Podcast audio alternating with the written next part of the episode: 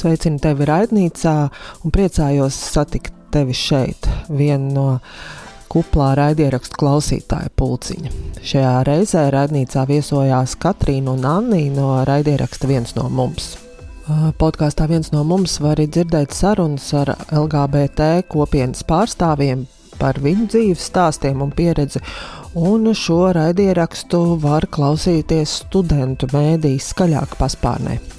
Pēc brīža sarunā ar raidierakstu veidotājām par to, kam šis raidieraksts vairāk varētu noderēt LGBT kopienai, kā atbalsts un iedrošinājums, vai mums pārējiem kā iespēja iepazīt tuvāk LGBT cilvēkus.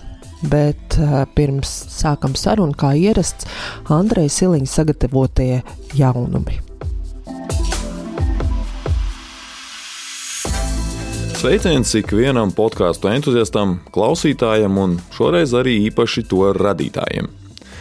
To, ka podkāstu industrija kā bizness joprojām ir salīdzinoši mazs, esmu atgādinājis nereiz vien. Tāpat kā to, ka šī industrija turpina augt un attīstīties. Šobrīd podkāstu Mekā, Amerikas Savienotajās valstīs, esam nonākuši tik tālu, ka tiek izveidotas jau pirmās podkāstu veidotāju arotbiedrības un jaunākais ir pārkāst gadījums. Šīs stāsts sākās ar Spotify vēlmi kļūt par raidierakstu pasaules galveno spēlētāju, un pagājušās desmitgades beigās šī zviedru kompānija sāka iegādāties pasaulē populāru raidierakstu veidotāju uzņēmumus. Un viens no iegādātajiem bija ASV izveidotais Parkast kas ražo teju 40 dažādus podkāstus, lielākoties patieso kriminālu stāstu, dokumentālajā un vēstures žanrā. 2019. gada nogalē Spotify nopirka šo podkāstu tīklu par 56 miljoniem dolāru, bet summa ar visiem papildu bonusiem pārsniedza pat 100 miljonus nopirka. Tas nozīmē, ka visi kompānijas darbinieki varēja turpināt darbu, taču nu, šai studijai bija jauns īpašnieks, un tam piederēja visas tiesības uz saražoto saturu.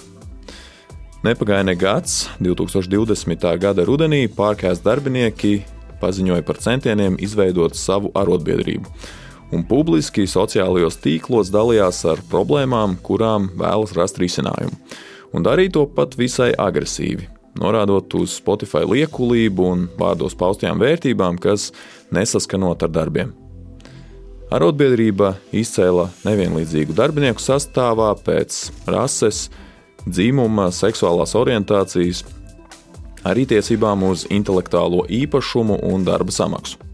Sarunas bija sarežģītas, tās ilga pusotru gadu, Un minēdēļ Bloomberg News ziņoja, ka pārkās darbinieki ir gatavi pat uzsākt streiku, ja vienošanās drīzumā netiks panākta. Pēdējie lielie punkti, kur Spotify puse negribēja piekāpties, bija prasība, lai vismaz puse no uz darba intervijām aicinātiem cilvēkiem būtu rasu minoritātes, LGBTQ pārstāvji vai cilvēki ar funkcionāliem traucējumiem. Tāpat nebija panākta vienošanās par minimālo algu, un 97% arotbiedrības dalībnieku pauda gatavību streikam, un iespējams tieši tas salauza Spotify pretošanos. Pēdējās sarunas notika 7. aprīlī, un tās ilga vairāk nekā 10 stundas. Beig beigās vienošanās par līgumu tika panākta, un iespējams arī tu savus mīļākos podkāstus turpmāk dzirdēsi tieši tāpat kā līdz šim. Lai gan netiek atklāti precīzi darījuma noteikumi, Bloomberg spekulē, ka tie varētu būt līdzīgi tiem, uz kādiem piekrita divas citas Spotify iegādātās podkāstu studijas Gimlet un The Ringer. Toreiz tika panākta vienošanās par minimālo atalgojumu, kā arī ikgadējo algas pielikumu un atlaišanas pabalstiem, taču šīs arotbiedrības nepanāca vienošanos par intelektuālā īpašuma tiesībām. Citos jaunumos Eikēst kompānijas veiktajā pētījumā Austrālijā piedalījās 2000 cilvēku vecumā no 18 gadiem, un tajā tika secināts, ka podkāsts ir medijs, kas organiski labi notur cilvēku uzmanību. 60% atbildēja, ka klausoties podkāstus, ir koncentrējušies uz klausāmo saturu. Citi audio satura patērēšanas veidi, kā mūzikas vai radio klausīšanās, notur uzmanību mazāk un 30% atbildēja, ka apsvēruši iegādāties vai tik tiešām iegādājušies produktu, kura reklāmu dzirdējuši podkāstā, kamēr klausoties radio vai mūziku uz reklāmu šādi rēģējuši mazāk - 23%. Zviedrijā izveidots uzņēmums Podīgs Group, kas plāno investēt starptautiskajās podkāstu intelektuālā īpašuma tiesībās. Citiem vārdiem sakot, piedāvās finansēt podkāstu, izstrādāt tam biznesa plānu, padarīt to starptautisku un komerciālu, pretī prasot daļu no ienākumiem. Iesaistīšanos šajā biznesā kompānija pamato ar prognozi, ka līdz 2024. gadam podkāstu klausītāju skaits pasaulē sasniegs 1,6 miljardus, jeb divreiz vairāk nekā 2021. gadā. Tas nozīmējot nākamo 3-4 gadu laikā arī dubultot ienākumus no podkāstiem. Ar podkāstu pasaules jaunumiem būšu klāt atkal pēc nedēļas, bet tagad jūsu uzmanībai Dace un podkāsts viens no mums. Šodien raidnīcā pie manis un pie mums visiem kopā ir podkāsts viens no mums. Sveika, Anna, sveika, Katrīna! Čau! Es esmu Anija. Un es esmu Katrīna. Kā jūs jūtaties uh, viesojoties podkāstā par podkāstiem? Lai pastāstītu par savu raidierakstu. Ir tāds reāls sajūta, tā kā, tā kā lomas būtu mainītas. Man ir nedaudz satraukums. Man labāk patīk, kad es intervēju. Nonākšana līdz raidieraksta vadītājām, jums tas bija kaut kāda nejaušība, vai tā bija likumsakarība, ka jūs šobrīd jau veidojat savu raidierakstu? Es domāju, ka tā bija nejaušība, jo tad, kad es tikko sāku studēt pirmajā gadā, pirmajā mēnesī, man bija doma par to, ka varētu uztaisīt podkāstu. Tā gan bija cita doma par tādu feministisku pieskaņu par sievietēm, bet tajā brīdī mēs atmetām to domu, jo mēs sapratām, ka mēs neko nezinām par podkāstiem. Man liekas, ka tas ir pilnīgi nereāli, ka es varētu uztaisīt podkāstu. Un tad šo es taisīju kā noslēguma darbu pirmajā gadā. Un uh, sākotnēji tas arī nebija domāts kā podkāsts, bija domāts uh, kaut kāda īsfilma vai sižets, bet tad uh, runājot ar darba vadītāju, viņi ieteica, ka varbūt šis jātaisa podkāstu formātā, un tad tas, tad tas tā tapa. Mana klātbūtne šeit patiešām ir nejaušība. Anija pie manis atnāca ar tādu um, piedāvājumu, vai tu vēlēsies ar mani veidot šo kopā. Un es tā, uh, es nezinu, kā lai pasaka, tā ļoti uh, neveikli piekrita, nezinot īsti, uz ko es parakstos. Jā, jo pirmās divas epizodes es taisīju viena pati, un tad, uh, tad kad bija jāpublicē, tad Katrīna pievienojās man. Un eh, te vēl jāpasaka, ka jūsu podkāstu sērijas var klausīties, nu, vismaz šobrīd, uh, studentu mēdīja skaļāk, kā jumta podkāstā. Vienkārši varbūt uzreiz jau, lai tas būtu izrunāts, kā jūs atrast. Uh, jo nu, pagaidām viens no mums ir vienkārši jās studentu mēdīja skaļāk kā sastāvdaļa, vai ne?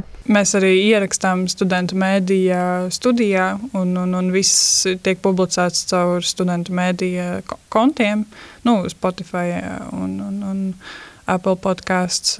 Jo, ja mēs to darītu pašas, tad tas būtu anormāli dārgi. un, un mums ir prieks, vismaz, ka mums ir universitāte, kas palīdz. Nav jau tāda vēlme, lai raidieraksts viens no mums kļūtu par tādu patstāvīgu, savām kājām stāvošu raidierakstu. Nu, mums tāds mazais solīts uz to bija tas, ka mēs tikām pie sava Instagram konta. Tas jau bija tāds Jā. mazs solīts, ka mēs varam pašas uh, likt savā kontā kaut ko. Bet tā pilnīgi atsevišķi no studentu mēdī man nav iebildumu, ka mēs esam daļa no tā. Nu, labi, tad pastāstiet. Viens no mums tātad šobrīd ir sep septiņas epizodes. Tagad es tā ne, klausījos pa, pa, pa, vienai, tagad jau, jau aizmirsties. Tas skaists septiņas epizodes, vai ne? Jā, jā. Parīt, parīt iznāk astotā.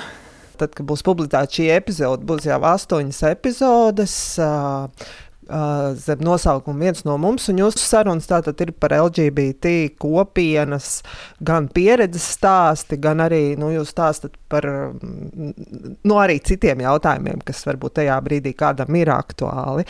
pastāstiet vairāk, kā jūs pie šīs tēmas nonācāt, kāpēc tieši LGBT, nevis kā bija sākumā feminisms.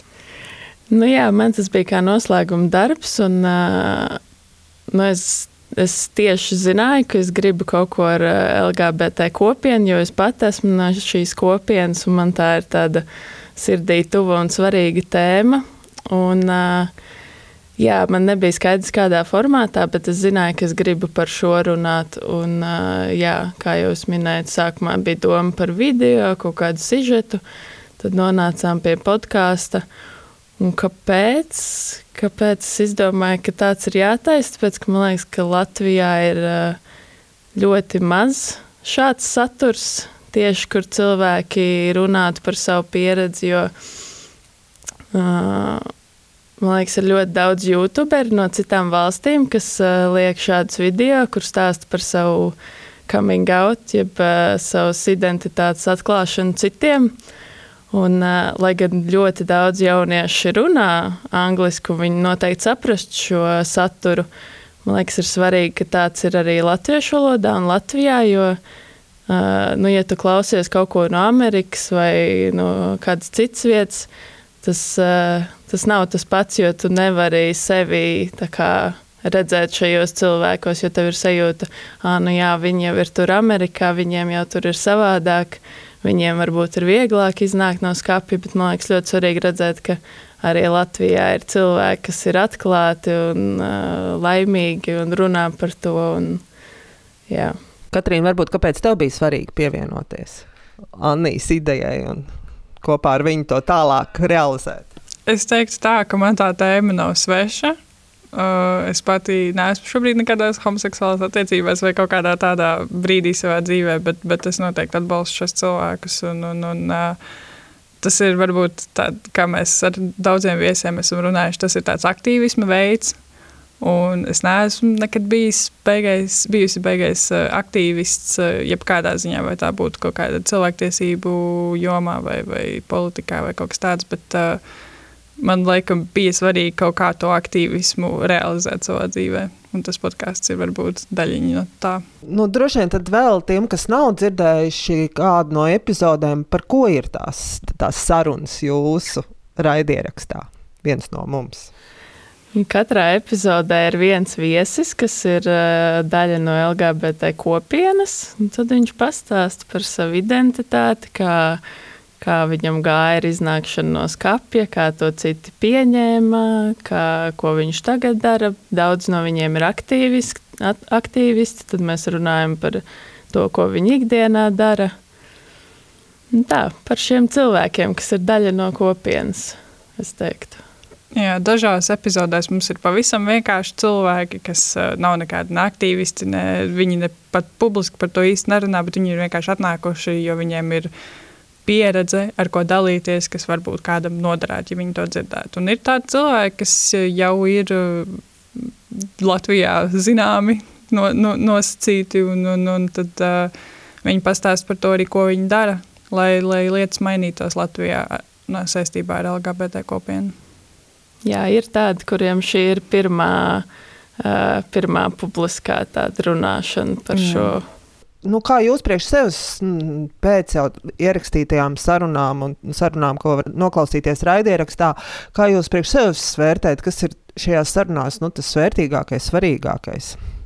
Es teiktu, ka man personīgi pēc katra ieraksta ir tāda sajūta, ka es būtu ieguvusi nu, nu ne draugu, jo mēs neesam tik tuvi, bet nu, vienu jaunu tādu paziņu. Un, un, un vienmēr tie stāsti ir tik, tik interesanti un tik dažreiz pat prātam neaptverami. Man šķiet, wow, es, es, man ir prieks par to, ka es šo cilvēku tagad zinu.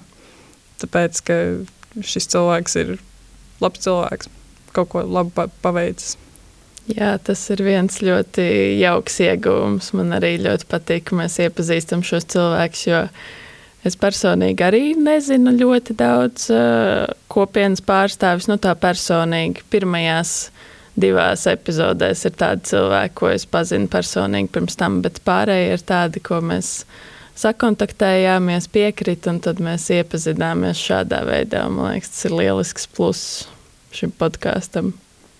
Un kā tas ir, jo jūsu sarunas ir personīgas, cilvēks stāsta par ļoti tādām personīgām, intīmām, savām atklāsmēm, par ko viņi paši atzīst, tā citreiz pat ar saviem draugiem, viņiem par to ir grūti runāt. Kā tas ir raidierakstā runāt par to, par ko varbūt kāds pat no, nespēja vai negrib runāt ar kādiem saviem nosacīt tuviem cilvēkiem?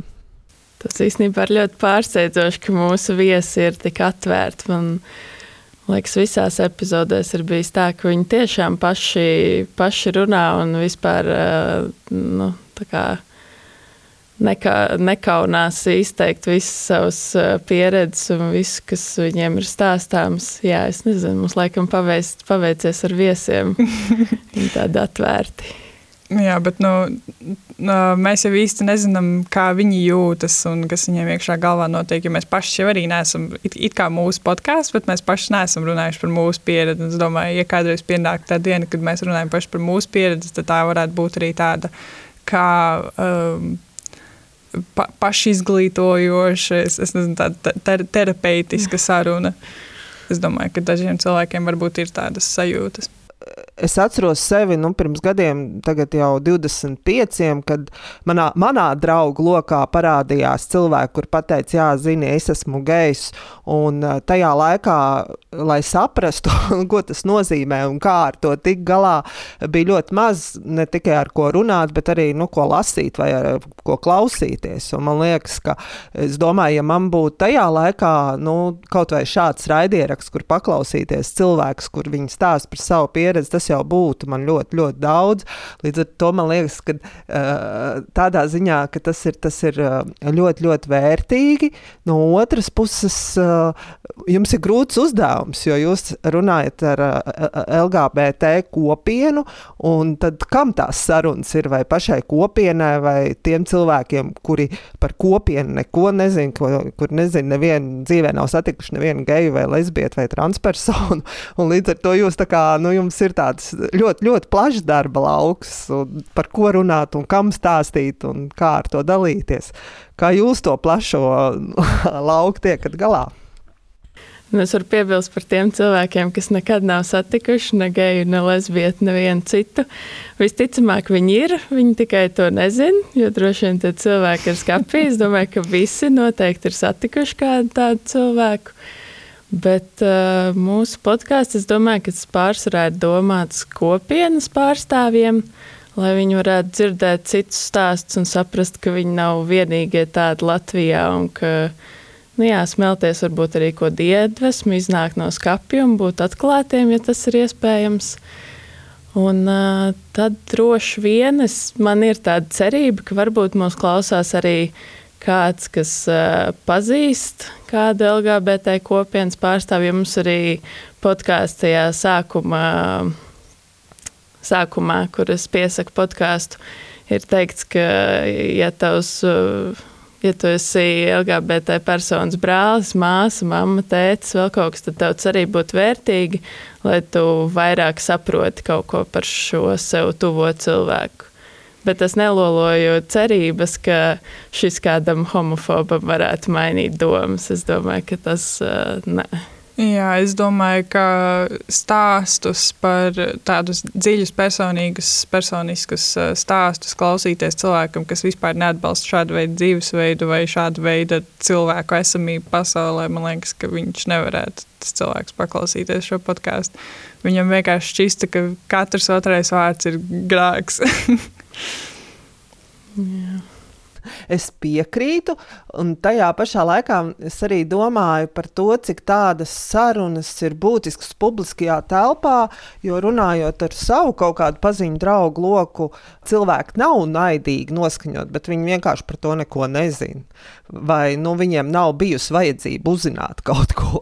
Un līdz ar to, ka man liekas, ka citreiz kaut kādi tādi, nu, viss, nu, ko, par ko mēs zinām, kā cilvēki runā, vai kaut kādi jociņi, vai arī kaut kādas tādas, varbūt tādas nepatīkamas lietas, ko saka, tas vairāk ir no nezināšanas vai cilvēku nepazīšanas, nekā tiešām no tāda homofobiska noskaņojuma.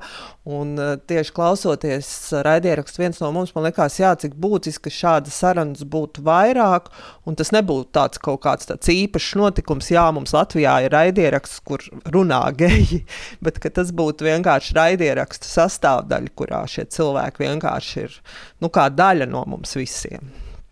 Un viņu pieredze. Nē, es, te, es tev piekrītu, ka vienaldzība un tāda neziņa noteikti ir uh, būtisks faktors tajā, kāpēc daudzi nu jā, viņi nezina. Viņiem liekas, ka viņi nevienu tādu cilvēku nepazīst. Viņiem tas nav svarīgi savā dzīvē. Nu, kāpēc viņš par to kaut ko domātu? Bet tāpēc man liekas, ka ir ļoti svarīgi, lai arvien vairāk cilvēki. Nu, nav jau jābūt ļoti publiskiem, bet lai viņi savā ikdienā to neslēpj, lai viņa apkārtējie cilvēki uzzina vienkārši par sevi šī pazīstamā cilvēka. Jā, kad šis cilvēks ir tādās attiecībās, vai viņš ir transpersona vai kaut kas, ka, nu jā, lai vienkārši tuvākie cilvēki to zina, man liekas, tas jau ļoti daudz ko mainītu. Man, man, protams, ir tā vēlme tā kā kaut, kaut visi cilvēki, vienalga vai viņi vienkārši ir nezinoši, vai vienaldzīgi, vai naidīgi, kaut viņi visi kā, dzirdētu un saprastu to sabiedrības ietekmi uz šo LGBT kopienas pārstāvi un ko varbūt tā visa negatīvā pieredze viņam nodara kā cilvēkam, vai arī, nu, ka viņi dzirdētu vienkārši to, ka viņi patiešām arī ir tādi paši cilvēki, viņi nav nekādi cipelnētieši, bet uh, man šķiet, ka šobrīd vismaz realistiski podkāstu klausās, nu, ja ne 90, tad 98% kopienas pārstāvi vai arī, nu, tuvi cilvēki kopienai, nu, piemēram, tur uh, LGBT kopienas pārstāvji, draugi. Šo, nu, varbūt dažos gadījumos arī ģimene, bet nu, tā tādi lieli nezinātāji vai, vai homofobi, es domāju, ka neklausās. Vismaz vēl neklausās. Protams, ir cerība, jo mēs tās sarunas veidojam gan kopienai, gan vispār sabiedrībai. Kā jūs redzat, ņemot vērā, ka jūs par šo tēmu runājat skaļāk, šī tēma arī parādās arī jūsu kā, sarunās ar viesiem. Visi atzīst, ka problēma varētu risināt tas, ka par šo runā, kā geju lesbietes ir pamanām un arī viņu stāsti ir dzirdami, bet tajā pašā laikā jūs varoņi bieži atzīst, ka vai nu nav laika par to runāt, vai nu nav, teiksim, spēka par to runāt, un tad beigu galā eh, tāds rodas tas jautājums, kam tad par to ir jārunā un kam, kam par to ir kā ska, skaļāk jāsaka, un eh, jā, tas bija arī tāds, tāds viens no, no, no tādām pārdomām klausoties jūsu varoņos, ka jā, no vienas puses mēs gribam, lai uh, nevienam nerastos kaut kādi stulbi jautājumi un būtu tas atbalsts, bet no otras puses, ai, nu man nav laika par to runāt. Es esmu tagad tur, piemēram, kaut ko citu aizņemts vai aizņemta. Jūs, jūs veidojat raidierakstu, varbūt jums ir tā zelta atbilde. Nu, es teiktu, ka droši vien ir muļķīgi uzlikt visu atbildību pašiem kopienas pārstāvjiem, ka tā ir jūsu problēma, nu tad ņemiet un risiniet viņu. Jo nu, pārējā sabiedrība arī spēlē lielu lomu tajā, kā, nu jā, kā jūtas šie cilvēki un kā viņi tiek pieņemti vai nepieņemti sabiedrībā. Bet ņemot vērā to vienaldzību no apkārtējiem, tad pagaidām man ir sajūta, ka nu, kurš cits par to runās, ja ne mēs paši. Bet ne visi tā arī jūtas. Dažiem cilvēkiem tā, tā nostāja ir tāda, ka, nu, kā ir, tā ir. Es, es sevi nevaru mainīt, un es arī citus nevaru mainīt, un es vienkārši dzīvošu tālāk. Bet ir tādi cilvēki, kuri pēc rakstura ir tādi, ka, ja es kaut ko gribu, es to daru, es sevi pierādīšu, un es pierādīšu visiem pārējiem, ka mēs visi esam tieši tādi paši kā pārējie. Nu, tas ir atkarīgs no cilvēka. Arī mums ir ļoti daudz aktīvisti, kā viesi, un, un, un uh, viņi ir tādi. Nu, Ne visi ir aktīvisti. Mēs jau arī mēs neesam tādas tradicionālas aktīvistas. Mēs tādas klusās, varbūt, Jā. aktīvistas esam. Bet īstenībā tas bija arī viens no varbūt tādām motivācijām man taisīt šo podkāstu, ka, ko es gribēju teikt, tikko teicu. Viena no motivācijām man taisīt, taisīt šo podkāstu bija. Labi, nav svarīgi. Ja es atcerēšos, pateikšu. Bet es, es arī, nu, klausoties jūsu sarunas, es, piemēram, uzzināju ļoti daudz vārdus, kaut kādas lietas, kas ir, kā, jā, LGBT droši vien kopienā pats par sevi saprotams, bet, ja tu neesi ar to ikdienā saskāries, tad, ah, redz, kā tas sauc, vai kā, kā, kā par to runā paši, man liekas, ka tas arī ir vērtīgi, lai kaut kādām lietām, kurām varbūt man ir trīs vārdi, ja geji, lesbietes un homoseksuālisms, ka izrādās tur ir daudz, daudz vairāk vārdu, kas apraksta kaut kādas lietas, procesus, notikumus. Man liekas, ka tas arī kā, palīdz bagātināt, iedod iespēju vairāk par to runāt, nevis tikai viņi un mēs un, un tie citi. jo vienkārši mēs jau arī neprotam par to runāt. Man liekas, ka tādā ziņā arī tas ir vērtīgi, ka tas iedod kaut kādu nu, tādu kaut vai vārdu krājumu.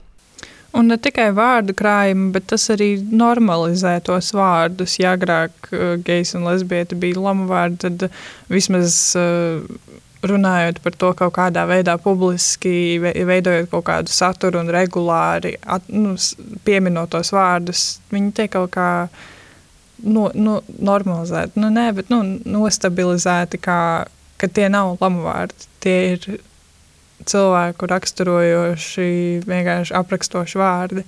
Tas nav nekas slikts. Es piekrītu, ka tas iedod tādu vārdu krājumu, un man liekas, ka tas arī kā, nu viens ir normalizē, un otrs arī, ka tās tēmas tā kā parāda to, cik tas arī var būt nevienkārši. Nu, ka nav tā, ka eh, es sev noformulēju par lesbietu, un tā arī ir, ka tur ir daudz dažādas vēl kaut kādas lietas, ko, par ko cilvēki nu, mēģina tikt skaidrībā, un tas arī to tēmu parāda, cik tas ir arī nu, nevienkārši, ka tas var būt nu, tādā Eh, kaut kādā tradicionālajā izpratnē ir melns vai balts, ka tas parāda arī to, nu, tādu, to dažādību un cik tie procesi var būt sarežģīti un varbūt cilvēki, kuri ir tajā ceļā par kaut ko, lai saprastu, ka arī tas nevienmēr ir tā nu, vienkārši.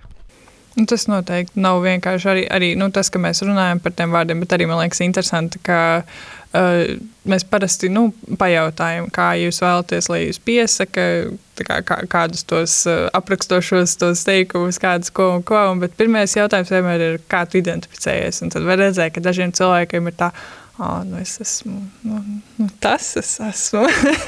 nu, tā maz, mazliet tā. Uh, šai latviešu kautrīgi. kautrīgi jā. Mazliet kautrīgi. It, kā tas ir viss ir pieņemts un normāls, bet, bet pateikt to skaļi ir, ir grūti. Jā, man, man liekas, ka man personīgi arī bija. Mēs tieši ar Alisi 5. epizodē runājām par to, ka mums ar vārdu lesbiete ir tāda ļoti negatīva konotācija. Un ka man pašai arī, tad, kad es sāku to saprast par sevi, man vārds lesbiete likās tāds ļoti es nezinu, neforšu, un kad uh, es negribu sevi ar to asociēt, lai gan es esmu lesbieta, bet es labāk teicu, ka es esmu geja vai Daži mūsu podkāstu viesi saka, ka viņi ir kvīri, kas ir vienkārši tāds visaptverošs termins, ka tu esi no šīs kopienas. Un man, man arī tā bija, ka tieši ar kaut kādu konkrētu vārdu es, es negribu sevi asociēt sākumā. Tagad jau vairs ne, bet sākumā. Un, e, veidojot raidierakstu, jums ir kaut kāda tāda e, skaidrojums, nu, kāpēc mums ir par to tik grūti skaļi runāt un to nu, publiski par to runāt. Jā. Manuprāt, e, viens ir, ka tu pieņem sevi, kad tu runā ar draugiem, un otrs ir, ka tev tas ir jāsaka skaļi mikrofonu priekšā. Pirmkārt, tas pats mikrofons, tas tāpat ir visa pieredze. Daudziem cilvēkiem, kā Nija iepriekš teica, tā, tā ir pirmā reize, kad viņi vispār kaut ko publiski tā runā. Un es domāju, tas ir viens, uh, un otrs arī tas, ka vienkārši par to runāt Latvijā var šķist, un tas arī, arī būtu bīstami, bailīgi, tā, nu, savādi. Nu jā, jo mēs jau uzaugam šajā sabiedrībā, un mēs uztveram to, kāda ir tā apkārtējā attieksme, vai kaut vai vienaldzība, vai klusēšana, vai nerunāšana. Mēs to visu kā kopienas pārstāvji ļoti uztveram un jūtam. Un, uh, uh, Jā, tu tā kā iemācies augot, ka ok, par šo mēs nerunājam, pat ja tā ir, es to nesaku skaļi. Un tad uh, tad tu izaudz, tad tu gribi par to runāt, bet tie vārdi joprojām šķiet tādi, ah, pagatieši bija tie, ko es iemācījos, ka tos nevajag teikt. Es domāju, tam ir grūti pārkāpt. Un kā jūs redzat, raidieraksta formātu, cik tas ir nu, tāds pateicīgs, piemērots tam, lai nu, šādas sarunas sāktos un raisītos? Es domāju, ka tas ir ļoti labs formāts, jo Jā, sākotnēji tur bija doma par to sižetu, bet uh, darba vadītāji man ieteica, varbūt šim būtu atbilstošs podkāsts.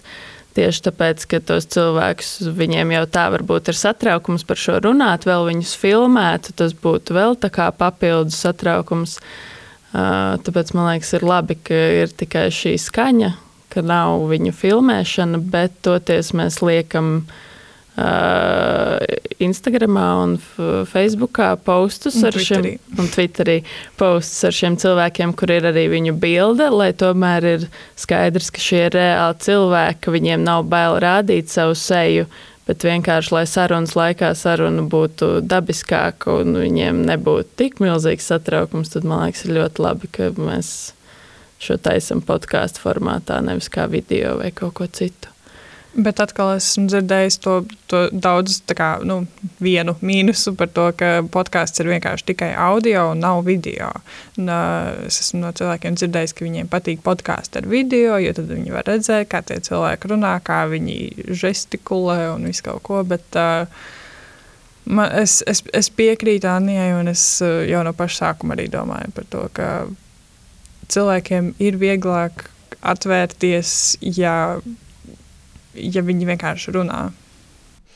Un kā jums uh, savus viesus aicinot, uh, uh, ka jums ir tikai audio, tas ir vieglāk uzaicināt pi, nu, cilvēkiem piekrist, vai, vai kāds tas ir nu, tajā savu, savu viesu meklēšanā un aicināšanā, kā viņi uz to reaģē, ka jābūs tikai skaņa. Mēs neesam mēģinājuši aicināt arī uz video. Es nezinu, kāda tad būtu reakcija, bet es domāju, ka tas ir vieglāk, ja mēs aicinām tikai kā uz audio ierakstu. Bet ar viesu aicināšanu kopumā ir tā, ka pārsvarā cilvēkam es uzrakstu, viņi piekrīt viņi ir atvērti, bet ir pāris cilvēki, kuriem es esmu uzrakstījusi, kur uh, Viņi pasaka, ka viņi padomās, jo viņi nav publiski par to runājuši iepriekš, bet viņiem tāds, nu, varbūt es varētu šajā podkāstā, varbūt, varbūt. Tad viņi padomā kādu laiku, tad atbild man, ka, nu, labi, es tomēr izdomāju, ka nē, labāk. Un tādos gadījumos arī man vispār necik negribās kaut ko spiest vai mēģināt viņus pierunāt, jo man galīgi negribētos, lai pēc kādas epizodes vēl kāds no mūsu viesiem nožēlotu to, ka viņš ir piedalījies. Tāpēc mēs ņemam tikai tādus, kas tiešām grib paši to darīt. Un tā motivācija tiem, kuri grib to darīt, kā jūs to esat nu, pamanījuši, kas ir tas, kas cilvēks mudina dalīties savā pieredzē? Es domāju, pirmkārt, tas varētu būt kaut kāds tāds nu, pielikts pirksts kopienas labā, Otrakārt, tā varētu būt arī laba personīga pieredze. Uh, nu, tie ir tādi cilvēkiem, piemēram, kuri nekad nav bijuši uz nekādu interviju vai kaut ko tādu. Tad uh, viņiem ir pieredze, ka viņi ir bijuši intervēti un, un viņi saprot, varbūt, ka tas patīk vai ka tas nepatīk, vai ka tas bija interesanti, vai arī, ka tas viņiem kaut kādā veidā personīgi palīdzēja. Uh, nu, vai saistībā ar seksualitāti, vai vienkārši saistībā ar dzīves pieredzi. Uh, Man liekas, ir sevišķi tiem, kas uh, nav aktīvisti ikdienā. Viņiem tas ir tā interesanti, ka šis ir tāds jā, ma viņu mazais veids, kā, kā izplatīt kaut kādu savu aktīvismu. Tāpat kā mums šī podkāstu veidošana ir sava veida aktīvisms, tā viņiem atnākt uz šo interviju ir tāds, ka jā, ok, es kaut ko esmu izdarījis kopienas labā. Man liekas, tā varētu būt tāda laba sajūta. Bet, ja man piedāvāt, ja es šo neveidotu, un ja es vienkārši man piedāvātu būt kā viesim, manuprāt, man motivācija varētu būt uh, uh, arī tas, kāpēc es labprāt veidoju šo. Tas, ka tā ir laba iespēja iepazīt, tā ir laba mm. iespēja kaut ko jaunu iegūt, uh, jaunus cilvēkus, uh, jaunu pieredzi. Nu, ne tikai pieredzi tādā ziņā, bet arī nu, cilvēku ziņā. Ko jūs esat par savu podkāstu dzirdējuši no citiem? Vai kādā veidā nu, jūs raidierakstu atpazīst vai zināt? Varbūt ne, ne tādā draugu un, un tuvu cilvēku lokā, bet, nu, ja tas ir bijis jums kādreiz no malas, kāds, kāds vērtējums par jūsu raidierakstu? No malas mums uh, rakstīja no mūsu universitātes pāris cilvēki un teica, ka, nu, malači, forši. uh, bet tā, man liekas, ka neviens tā nav nu, no malas kāds cilvēks, kas mūs nepazīst, nav mums uh, rakstījis un teicis kaut ko.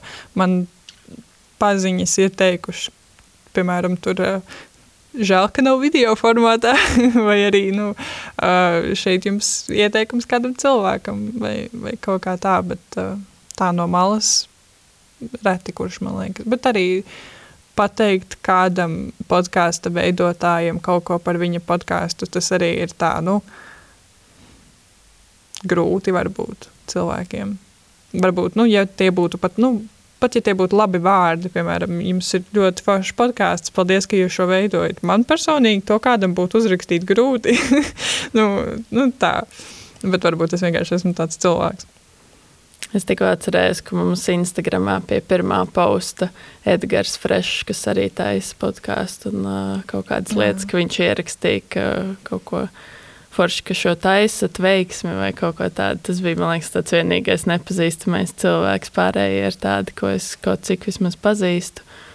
Tad otrs bija jā, no universitātes viena meitene, kas ir uh, kursu zemāk rakstīja, ka ļoti foršs podkāsts, ka viņi varbūt gribētu mums palīdzēt vai iesaistīties vai tikt intervēti. Jā, ir daži cilvēki, kas uzrakst, ka, ka viņi gribētu tikt intervēti. Tādi ir daži bijuši, jā. Un kā jūs tad izvēlaties savus viesus, ja jums ir gatavi arī nākt un runāt paši? Um, Šobrīd tā izvēle ir eh, balstās, man liekas, tīri uz to, lai mums eh, pēc kārtas nebūtu līdzīgu identitāšu pārstāvi, lai ir dažādība, un tagad mēs meklējam joprojām tā, tādu identitāšu pārstāvis, kuri vēl nav bijuši mūsu podkāstā. Nu, piemēram. piemēram, es šobrīd meklēju kādu aseksuālu cilvēku, kurš gribētu parunāt par savu pieredzi, vai arī trans sieviete, kas mums vēl nav bijusi nu, podkāstā. Jā. Uh, jā, tas ir tas, ko mēs šobrīd meklējam. Varbūt atsauksies. Varbūt tieši tāds cilvēks klausās raidnīcu. Cerams, jo tāds cilvēks ir grūti atrast, jo, manuprāt, lielākā daļa no tiem skaļajiem ir tieši nu, kvīri, kas identificējas kā kvīri, nu, vai, vai vienkārši kaut kas tāds plašāks, bet tādus, tādus noslēgtākus, noslēgtākas personības ir grūtāk atrast, manuprāt. Un arī negribās tā, ka, nu, um, Labdien, es dzirdēju, vai, vai, vai redzēju, ka jūs esat šā, šāds cilvēks. Atnāciet, lūdzu, parunājiet. Vispār par, kā, aicināt cilvēku, manuprāt, ir ļoti grūti. Tāpēc ir grūti kaut kā. Sveiki, es zinu, ka tu esi gejs, vai tu gribi parunāties par to. Tas tā mazliet dīvaini ir. Jā, man liekas, ir bijis vismaz viens cilvēks, kuras uh, rakstīju tā, ka es nezinu viņa identitāti, bet es, man liekas, ka es zinu, bet es neesmu simtprocentīgi drošs. Tāpēc tad ir tā pišķiņa savādi rakstīt, ka tu neesi pārliecināts, vai šis cilvēks tiešām ir no kopienas. Nav jau tā, ka tas būtu kaut kāds aizvainojums, ja es nepareizi šo noteiktu, bet uh, tāpat tās droši vien nav forši pieņemt kaut ko, ja es tiešām nezinu. Uh vēl atgriežoties nedaudz par ko mēs runājām pirms brīža. Man liekas, tas ir interesanti, ka raidierakstu vidē jūs nesaskaraties ar tādu heitismu. Kā jūs to skaidrojat, kāpēc raidieraksts nu, nesaņem tik daudz naida, kā tas, ja jūs, piemēram, Facebookā kaut ko darītu vai kaut kur citur interneta plašumos? Nu, gan jau tāpēc, ka uh, cilvēki nav tā, ka viņi nejauši sāk klausīties mūsu epizodu Facebook. Tu ej cauri, tu kaut ko pamani, tas, uh, tas ir pretēji taviem uzskatiem. Tu tagad izdomā ierakstīšu kaut ko nejauku, bet podkāstu tā nejauši nesāc klausīties. Tu jau redzi, ko tu klausīsies, un ja tev tas neinteresē, tad tu to neklausies. Un tas droši vien ir pierādījums, ka mūs neklausās tādi cilvēki, kuriem ir pilnīgi pretējs uzskats. Un arī tas, ka tas tā visa nu, re, nu, epizodes reklamēšana vai kaut kas tāds, tas viss notiek caur universitātes kontiem. Un universitāte, kas seko universitātes Instagram kontam? Studenti, pasniedzēji, kaut kādi cilvēki, kas ir asociēti ar, ar, ar universitāti un ne jau vienkārši kaut kādi random hateri. bet, bet jā, es, man liekas, ka vienīgā vieta, kur mēs esam saņēmuši hateru komentārus vai kaut ko tādu, ir tad, kad publicēja preses relīzi par podkāstu. Tur bija Delfa TV, kas tur vēl, un, un tur, tur bija. Nu, Patiešām tikai daži, bet, protams, es viņus izlasīju vairākas reizes. Bet bija interesanti. es lasīju, tīri interesanti. Jā, bet es nezinu, vai Delfos un TV nu, tā ir kāds raksts bez naidīgiem komentāriem. Tā kā Arī, es to jā. neņēmu pārāk personīgi. Tur vienkārši droši vien uzturās tādi naidīgi cilvēki, kuriem ir viedoklis par visu. Bet tad, kad jūs sākāt veidot raidierakstu, jūs kaut kā domājāt par to, ka, jā, ka šis varētu kaut kādā veidā arī vērsties pret jums. Uh, jā, jā, jā. Uh, tad, kad es šo uztaisīju kā noslēguma darbu, man, bija, man nebija doma uzreiz viņu publicēt. Tad viena no pasniedzējām uh, mani mudināja šo darīt, bet viņi man arī brīdināja, ka šis var atstāt kaut kādu ietekmi, kad varbūt, nezinu, universitātē kāds kaut ko vai, nu jā, kad, uh, lai es ņemu vērā, ka tas var kaut kā ietekmēt, nezinu, kaut ko manā dzīvēm. Jo es pati arī nebiju publiski iznākusi no skapja pirms šī podkāsta. Man arī tas ir tāds pirmā publiskā runāšana par šo. Un, jā, prot, protams, ka mēs par šo domājam. Tad, kad pēc pirmās epizodes publicēšanas, kad iznāca tās preses relīzes, un kad bija TVNetā un Delfos raksts, kur ir iekļauts mans vārds un uzvārds, un tas, ka esmu lesbieta, un tā tas bija tā nu, jā, ka pirmo reizi kaut kas tāds ir noticis, tas bija ļoti satraucoši. Kaut kādas divas dienas es tiešām es domāju, ka tā bija kļūda, ka nevajadzēja tā darīt. Es biju diezgan satrauksies. Jā. Pēc tam tas pārgāja, un tagad, protams, man ir prieks, ka šis ir publicēts, un man nav ne mazākā nožēla, bet uh, tieši tajā brīdī man bija Jā, tas bija satraucoši. Jā, mēs, mēs sarakstījāmies par to, ka mūsu fotografijas ir visur, un, un tagad visi zinās mūsu vārdus. Un, ja nu, viņi atradīs, kur mēs dzīvojam, un es nezinu, mums kaut ko izdarīs. Nu, bet tas bija nu, pirms publicēja pirmo epizodu, tad, kad tieši viņi tika publicēti. Tas, tas bija, bija dīvaina sajūta. Bija tā, nu, ja šis aizies kaut kur tālāk un kļūst par kaut ko lielu, tad, tad tad varētu būt bailīgi. Bet uh, nav tik traki. Tagad es domāju, ka mēs esam apraduši ar to ideju. Un... Man liekas, tagad uz priekšu tas vairs nebūtu bailīgi. Tieši tajā brīdī man tas arī bija bailīgi, tāpēc ka uh, nu, personīgi par mani zināja draugi, tur kaut kādas paziņas, ģimene, visi kā zināja, bet nu, tā publiski kaut kādas attālākas paziņas, visi, kas man seko kaut kādā internetā. Uh, Visi cilvēki to nezināja, un tas bija satraucoši, ka pēkšņi visi šie cilvēki arī zinās. Nav tā, ka man ļoti uztrauc visu viņu domas, bet tomēr tas kaut kā ietekmē to, ka wow, viņi, viņi visi tagad to zina. Jā. Un Katrīna, kas tev bija bailīgi? Man, man vienkārši bija bail par to, ka kāds uh, piekaus man uz ielas. bet uh, personīgi. Uh, par, par sevi tā kaut kādā LGBT ziņā man, man nebija bail. Jo, jo iepriekš, kad uh, es esmu bijusi arī homoseksuālās attiecībās, uh, es biju publiski ar to. Es liku Instagramā bildes, uh, draugi, ģimene zināja. Man nebija vēl par to, kā mani uztvers. Uh, vēl joprojām tas, ka es runāju ar, nu, es izsaku atbalstu kopienai. Uh, man nav bailes par to, kā cilvēki to uztveras. Uh, vienkārši publicējot pirma, tā, tās pirmās epizodes publicēšanu, man vienkārši kaut kādas, nu, arī varbūt tas, ka pirmo reizi kaut kādu saturu veido. Varbūt arī tas piespēlē lomu. Nu, es varbūt, bet pilnīgi noteikti. bet jā, sa saistībā ar uh, atbalstu izteikšanu LGBT kopienai man nebija bailes īsti nevienā brīdī. Un, kā jūs jau tagad veidojot epizodes, ņemot vērā nu, tās bailes, kas jums bija nu, sākot to darīt, vai arī nu, ir kaut kādas, droši vien arī šobrīd, nu, cik jūs pašas esat gatavs runāt par sevi vai savu pieredzi, vai jūs novērojat arī kaut kādu pašcensūru. Man vienkārši interesē, kā tas ir, ka kaut kādas ir tēmas, kas ir tik intīms un personīgs, ka tu par to veido raidierakstu, ir kaut kādā brīdī arī par kaut ko jārunā, kas varbūt ir svarīgi jums, par ko jūs negribat runāt, vai ir kaut kādas tēmas, ko jūs zinat, ka tas varētu kādu aizskart. Cik jums pašcensūras jautājums ir šobrīd, gatavojot epizodes, vai ir kaut kas, ka jūs, nē, par šito mēs nerunāsim, nu tāpēc, un tāpēc? Mums nav, jo mēs paši. Uh nu, mēs neesam podkāstā izstāstījuši tos mūsu pašu dzīves stāstus, kas es jau manīju visu laiku, saku, mums jau uztais epizode par mums pašām. mums ir tāds plāns, jā. jā. jo es domāju, ka daudz cilvēku arī nu, varbūt, nu, zina, kā varbūt zi, nu, zina, ka Anna ir uh, lesbieta, varbūt domājas arī vai kaut kas tāds, bet nu, es neesmu.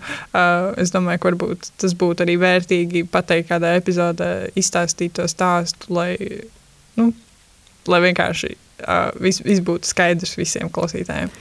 Bet, uh, Es aizmirsu, ko gribēju teikt. Bet uh, ierakstot epizodi, ierakstot epizodi, mums uh, nav tādas kādas tēmas, par, oh, par šo mēs nerunājam. Man liekas, tā, tam palīdz arī tas, ka mēs paši to editos, editosim. Un, uh, ja nu kas, mēs izgriezīsim kaut ko, ja mums kaut kas tomēr nepatika, kā mēs pateicām. Tur bija viena uh, saruna ar Alisi, un tur bija runa par manas māsas bērniem un kaut ko. Un tad pēc tās epizodes es uh, par to runāju. Pēc epizodes es domāju, vajadzēja man runāt par to, nevajadzēja.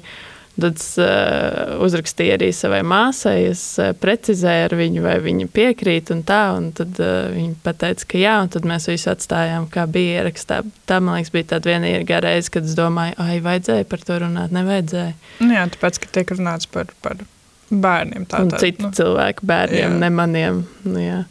Nu, piemēram, jūsu raidieraksts kļūst mega populārs, to ļoti daudz sāk klausīties. Vai tad tas kaut kas mainītos? Nu, tagad jūs zinat, ka ir kaut kāds noteikts kopienas lokus, nu, kā, uh, ir kaut kāds noteikti tie cilvēki, bet nu, tā mēs varētu pasapņot, ka nu, sāk klausīties visa Latvija. Kā tad ar to, to, to pašcensūru?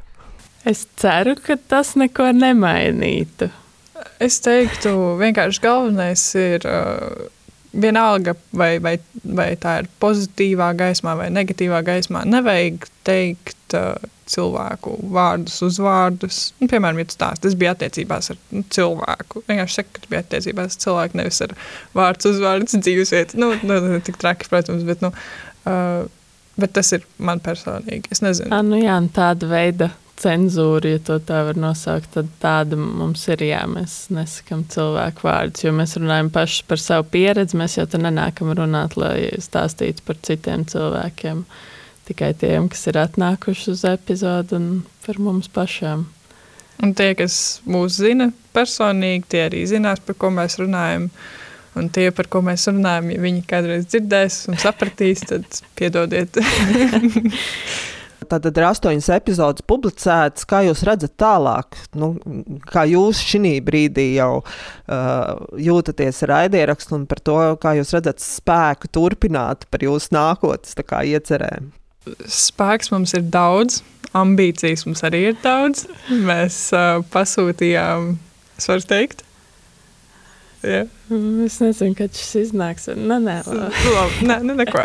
Bet, nu, vārds sakot, ambīcijas mums ir un, un apstāties mēs netaisamies. Uh, pat ja mums vairs nebūs cilvēki, kas grib nākt, mēs pašas turpināsim runāt, kaut vai aicināsim tos pašus cilvēkus, kas jau ir bijuši uz tālākam sarunām. Jo 40 minūtēs līdz stundai tur nevar izrunāt visu. Un uh, vienmēr paliek kaut kas tāds, kur tad, kad mēs izslēdzam ārā mikrofonus, uh, saglabājam ierakstu, aizveram datoru mēs runājamies tālāk. Un ir tā, ah, oh, šito vajadzēja ierakstīt, šitais bija labs. Un, tā kā tik daudz interesantas lietas. Un, Es domāju, ka arī šis ir tāds temats, kurš katru dienu kaut kas jauns notiek, un tas vienkārši nu, vismaz pagaidām mēs neplānojam neko apstāties. Un, un, un, un ja būs tā, ka vairāk cilvēki klausīsies, tad jē, forši. Jā, man, man liekas, ka uh, jā, nav, nav nekāds plāns apstāties. Es ceru, ka mēs taisīsim vēl daudz epizodus ar cilvēkiem. Man kaut kad prātā bija ideja, ka varbūt, ja kaut kā noslēgsies šis uh, epizodes, intervējot uh, tieši cilvēks par viņu pieredzi, tad varbūt mēs varam taisīt kā nākamo sezonu, ka mēs runājam par kaut kādām konkrētām tēmām. Uh, Ne tieši kā intervijas. Nu, tur ir daudz variācijas, vienkārši paliekot pie LGBT jautājumu. un Nav plāns apstāties pagaidām. Kad pabeigsim universitāti, tad jau redzēs, kā tas tālāk. Kur ceļā aizvedīs. Vai jums pašām sanāk klausīties raidieraksts? Vai jūs klausāties, ko jūs klausāties? Es diezgan maz klausos, bet uh, man liekas, mīļākais man uh, no raidierakstiem ir minimālistu podkāsts. Ļoti patīk, mm, ļoti daudz epizodus nos- noklausījusies. Nesen sāku klausīties tādu feministu uh, survival project 2020. Tas arī tāds labs. Bet, jā, no Latvijas es klausos mušu ik pa laikam starp mums meitenēm runājot, Džemas sudrabas podkāstu. Latvijas dēkaņus arī paklausījos, tie man baigi patika. Un tā, šo to, kad sanāk laiciņš, kad mašīnā braucu. Jā, mūsu epizodes, kad es uztaisu, nu, gatavu epizodi aizsūtu Annijai noklausīties, viņa arī dažreiz nu, speciāli aizbrauc kaut kur un tad ceļā klausās un saka, ah, jā, viss kārtībā, šī epizode labi.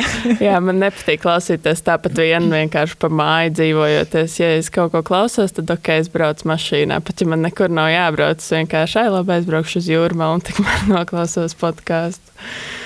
Jā.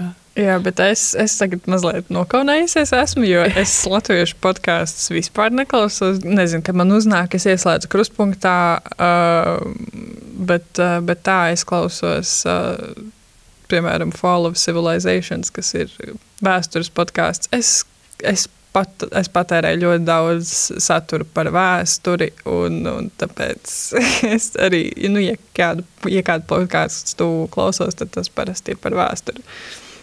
Kā LGBT temati atspoguļojas citos raidierakstos? Es domāju, tieši latvieši varbūt jūs esat pamanījuši, vai un cik daudz, un ja jā, tad varbūt ir kaut, kaut kāda jūsu novērojuma, kā šī tēma ir parādījusies.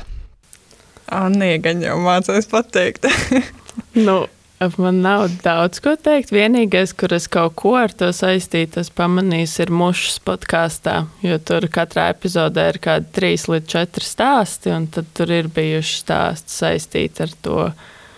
Bet visādi citādi, ja godīgi, es neesmu dzirdējis kādu citu latviešu raidierakstu, kur par šo runātu. Tā izteikti. Vēl dokumentārijā bija Martas stāsts Miers ar tevi. À, Nu, nu, to pareizi. mēs, to mē, à, nu, mēs to Tur palīdzējām. mēs palīdzējām ar tekstu apstrādi. Jā, Jā. jā, jā pareizi.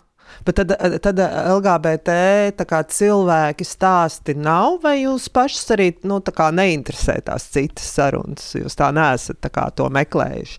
Es domāju tieši par latviešu podkāstiem, protams. Man ļoti interesētu, bet es vienkārši neesmu piefiksējis, ka tādi būtu. Es zinu, ka Facebookā redzēju, ka, ka mozaīkai laikam vai vienai no organizācijām bija tāda Krievija, video sērija, ne, video sērija, kur bija tādas 5 minūšu intervijas ar, arī ar vienu kopienas pārstāvu. Viņš pastāstīja savu pieredzi. Tas man likās ļoti foršs, visas sērijas noskatījos, bet nu, tas bija kā video, ne kā podkāsts. Jā, es nezinu, ka, kas vēl kā kā raidieraksti mums ir. Ja ir, es ļoti labprāt noklausītos. Man ir, man ir tas, ka es latviešu podkāstu īsti neklausos. Tāpēc es tā, nu, tad, kad, tad, kad mēs veidojam, tad, protams, mēs kaut kādu to research uztaisījām un paskatījāmies, kas vispār ir pieejams. Bet, bet tā klausīties, es neklausos. Uh, Tik cik es esmu klausījusies, man liekas, nav nemaz tik daudz. Nu, kaut vai arī, jā, ir ļoti daudz šī interviju žanrs latviešu valodas podkāstos, bet nav nemaz tik daudz cil- cilvēku, kur tiek arī identificēti kā no LGBT, tad varbūt šī tematika kaut kā tādā vai citādā veidā parādās sarunās. Ja ir, tad tiešām ļoti maz. À, nu jā, tikko atcerējos arī Džeimas Sudrabas podkāstā bija Marija Golubeva vienā epizodē, un tad tur bija Zana Feifa, kas uh, no VUKA aģentūras.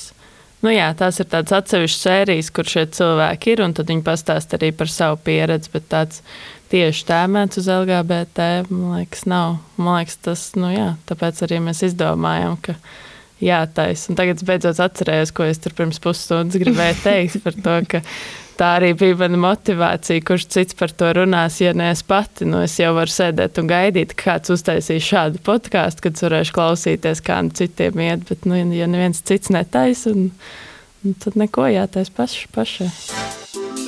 Man, man tā sajūta, man liekas, jo, jums tas viens no jautājumiem, ko jūs viesiem uzdodat par to, kā, kā viņi atcerās, kā viņi iznākuši no skapja.